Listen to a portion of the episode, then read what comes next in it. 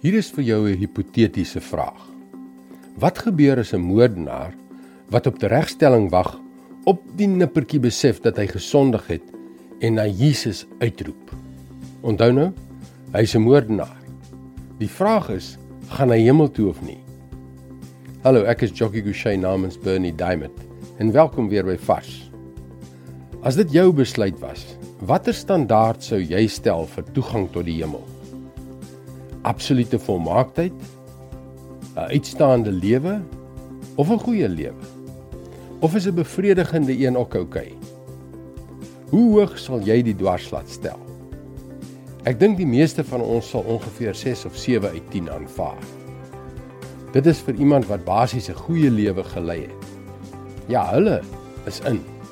Maar wat van die regtig onbeskofte, verwerplike, selfsugtige mense en misdadigers? Absoluut nie. Dit sal jou miskien verbaas om te weet dat God se standaard heeltemal anders is. Omdat sy standaard vir die ewige lewe saam met hom in die hemel absolute volmaaktheid is. Maar hoe nou Bernie? Niemand is tog perfek nie. Daarom het hy sy seun, Jesus, gestuur om te betaal vir ons onvolmaaktheid, ons sonde soos hy dit noem. 1 Johannes 2 vers 2 lees. Hy is die verzoening vir ons sondes. En nie net vir ons sondes nie, maar ook vir die van die hele wêreld.